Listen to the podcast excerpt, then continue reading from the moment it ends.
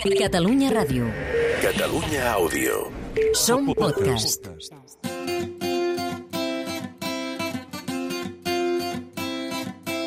Just in time, dancing to the rhythm of rhyme makes my day.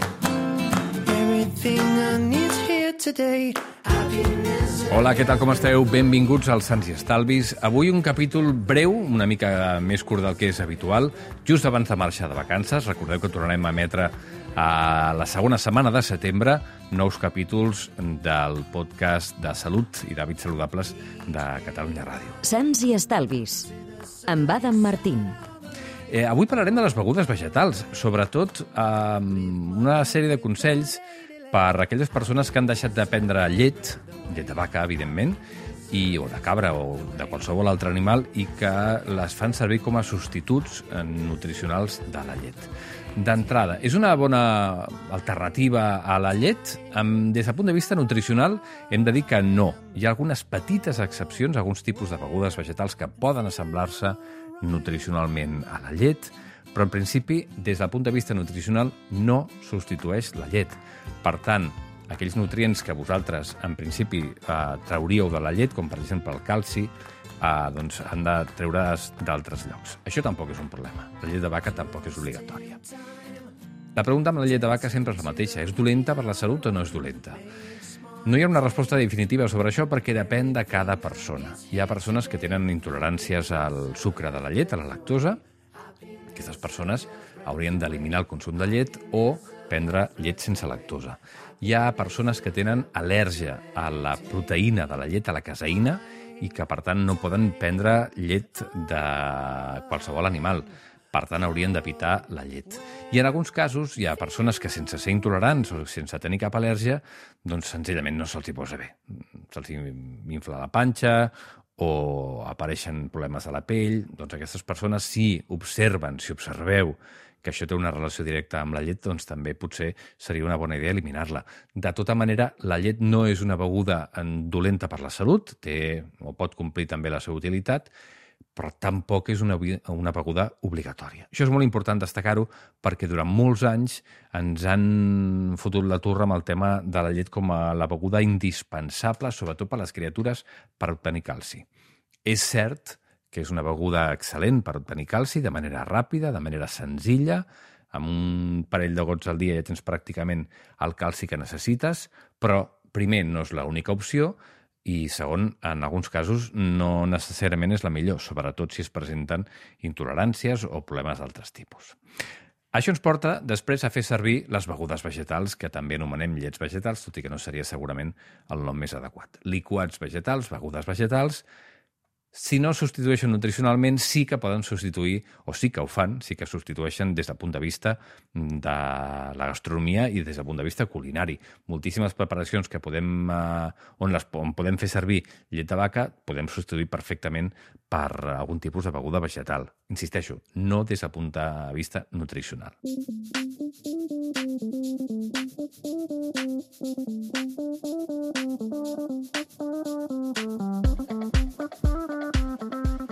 Quins tipus de begudes vegetals podem trobar al mercat? Bàsicament, podem trobar begudes vegetals de tres tipus. El primer tipus i el més habitual eh, sol ser el de begudes fetes amb cereals i aigua o amb pseudocereals i aigua. Per exemple, arròs, eh, cibada o avena, eh, mill, eh, quinoa, per exemple, totes aquestes begudes, bàsicament el que són és eh, un cereal liquat juntament amb aigua, sovint amb alguna base greixosa, amb algun oli, sol ser oli de girassol, de vegades porten sal i algunes vegades porten sucre. Aquestes begudes, bàsicament, el que són, són riques en hidrats de carboni. Eh, per tant, hem de vigilar una mica, sobretot si estem fent una dieta per eliminar greix de l'organisme, tenen un paper o poden tenir un paper, però hem de tenir-ho en compte perquè són especialment riques en hidrats de carboni, que no és un problema sempre que sapiguem ubicar aquest hidrat de carboni al llarg del dia. Després, eh, hi ha un altre tipus de beguda que són les eh, que estan fetes amb fruita seca o amb, o amb fruites, eh? Parlem d'ametlles, d'avellanes... Aquestes, bàsicament, si les altres destacaven per ser riques en hidrats de carboni, aquestes destaquen sobretot per tenir més greixos. I una mica més, una mica més de proteïna, però tampoc les podem fer servir com a font de proteïna. Um, I en última instància trobem aquelles que estan fetes amb llegums, sobretot uh, la beguda de soja, que potser va ser una de les primeres que va arribar al mercat i una de les més populars. Aquestes són riques o especialment riques en proteïna, més riques en proteïna que les anteriors, tenen també uns greixos interessants, però vaja, bàsicament totes aquestes begudes, les tres, són moltíssima aigua i un tant per cent indeterminat, bé, posa l'etiqueta, un tant per cent eh, concret de, de matèria primera, de matèria sòlida. Com es fan? El que es fa és una primera bullida i una triturada d'aquestes matèries, es barreja, com dèiem abans, oli o sal, de vegades sucre, de vegades s'hi afegeixen altres elements com calci o vitamina D o coses d'aquest tipus. Cap d'aquestes begudes no substitueix cap aliment des de cap punt de vista nutricional. És a dir, eh, si voleu prendre vitamina D, la millor font ja sabeu que és el sol. Si mm, us interessa el tema del calci, eh, teniu, eh, evidentment, altres làctics o làctics, eh, teniu el mateix tofu, teniu verdures de fulla verda, teniu crucíferes... Bé, hi ha moltes maneres, amb ametlles, hi ha moltes maneres d'obtenir sardines, etc. Hi ha moltíssimes maneres d'obtenir el calci. No són a, a font de calci, però sí que és cert que quan porten calci afegit, doncs és una manera més que ingressi mm, calci a dins de la nostra dieta, per tant, bueno, tampoc seria una mala idea comprar-les si, com si tenen calci. Però vaja, no es poden fer servir com a font, com a beguda per obtenir nutrients de manera específica. Per això tenim aliments. Per això tenim les verdures, per això tenim els llegums, per això tenim la carn, per això tenim el peix i per això tenim els aliments que no són d'aquest tipus. Amb això no vull dir que siguin una mala opció, eh? Senzillament vull dir que no són una opció per, com a font principal de nutrients. Què hem de buscar l'etiqueta? Hem de vigilar perquè hi ha molts tipus de productes diferents. D'entrada hem de buscar un producte que contingui, sobretot pel que fa a la soja i sobretot pel que fa a les begudes fetes amb cereals i pseudocereals, un mínim o un 10% com a mínim de matèria primera. És a dir, com que la majoria és aigua, que almenys un 10% sigui un cereal o la soja o el que sigui, perquè si no serà l'aigua més cara del món. Trobareu moltíssimes marques al mercat que tenen més d'un 10%, algunes fins i tot marques blanques de supermercats molt coneguts, als quals ara no farem publicitat, uh, i, però també hi ha moltes marques que posen molt poqueta quantitat de matèria primera. Això és cert sobretot pel que fa a les begudes, com deia, fetes amb cereals, amb soja i amb pseudocereals. Perquè fa les begudes fetes amb fruita seca o amb, amb fruites com les ametlles, com les avellanes, etc.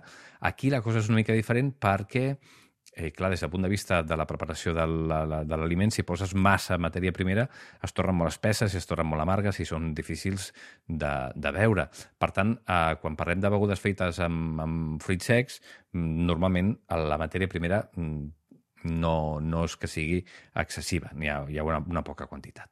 Per tant, eh, aquesta seria una primera regla, que siguin de bona qualitat, sobretot perquè no us estiguin enganyant perquè fa la relació preu i el producte que esteu obtenint. Després, sempre, i això és pràcticament un manament, hem d'intentar que o tingui molt poc sucre afegit i, en el millor dels casos, que no en contingui cap de sucre afegit. Eh, n'hi ha que tenen, n'hi ha que no en tenen. En trobareu, per exemple, a, sobretot a les begudes de soja i especialment a les begudes fetes amb ametlles i altres fruits secs, perquè són especialment amargues i s'han de compensar d'alguna manera aquesta amargor amb el sucre afegit. En qualsevol cas, si trobeu sucre, que no hi hagi, com a molt, com a molt, que hi hagi 4 o 5 grams de, de sucre afegit per cada 100 grams de, de producte. Això seria el màxim que jo us podia recomanar. Ara, l'ideal seria que no continguessin sucre. En principi, les begudes fetes amb cereals ja són dolces de per si, especialment la beguda d'arròs. Per tant, afegir sucre no treu cap a res i, en principi, l'únic que fa és convertir aquell producte en un producte eh, poc saludable. També trobareu eh, productes amb sabors, begudes vegetals amb vainilla, amb cacau, eh, barreges fins i tot de tots aquests tres tipus bàsics de begudes vegetals que es feia als quals feia referència abans, eh, trobareu combinacions, eh? trobareu potser una beguda de llet d'arròs amb una beguda d'avellana. Està bé, no és un problema, però com deia abans tampoc és una font de nutrients principal. Les begudes amb sabors, de vanilla i cacau, solen portar més sucre del que seria recomanable també. També trobareu moltes d'aquestes begudes que contenen, com deia abans, greixos, olis sobretot, sobretot oli de girassol, entre un 1 i un 2% com a màxim. És molt poc, no té cap tipus d'importància, fins i tot pot estar bé que les continguin perquè millora les qualitats organolèptiques.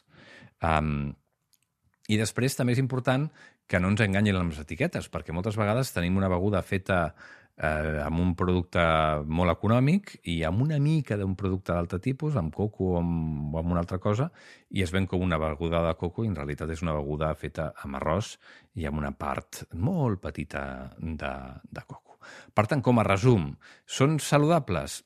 Mm, no són insaludables, tenen, poden tenir un paper en el dia a dia, per barrejar algun dia de manera puntual amb els cereals, amb el cafè, és a dir, poden substituir des del punt de vista nutricional, eh, de, perdó, des del punt de vista gastronòmic i culinari la llet de vaca, però no des del punt de vista nutricional.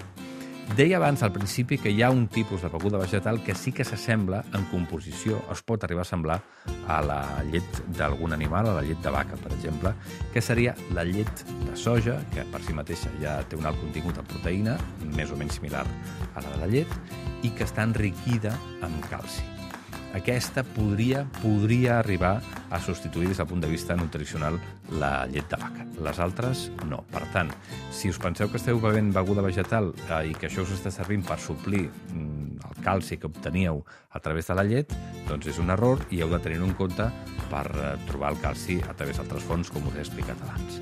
Busqueu bé les etiquetes, que no us enganyin amb els preus, hi ha preus de tot tipus, i a partir d'aquí doncs, a, a disfrutar d'aquestes begudes que són, doncs, això sí, bones, excel·lents, fresques sobretot a, a l'estiu, i que ens poden ajudar doncs, a, de tant en tant a canviar la beguda principal, que ja sabeu que sempre ha de ser l'aigua, i a alegrar-nos una mica el dia, o el cafè, o el que sigui.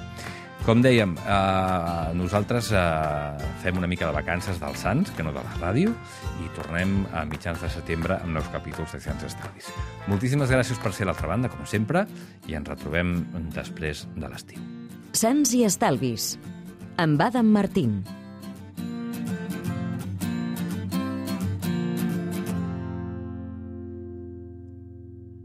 Catalunya Ràdio. Catalunya Àudio. Som podcast. podcast.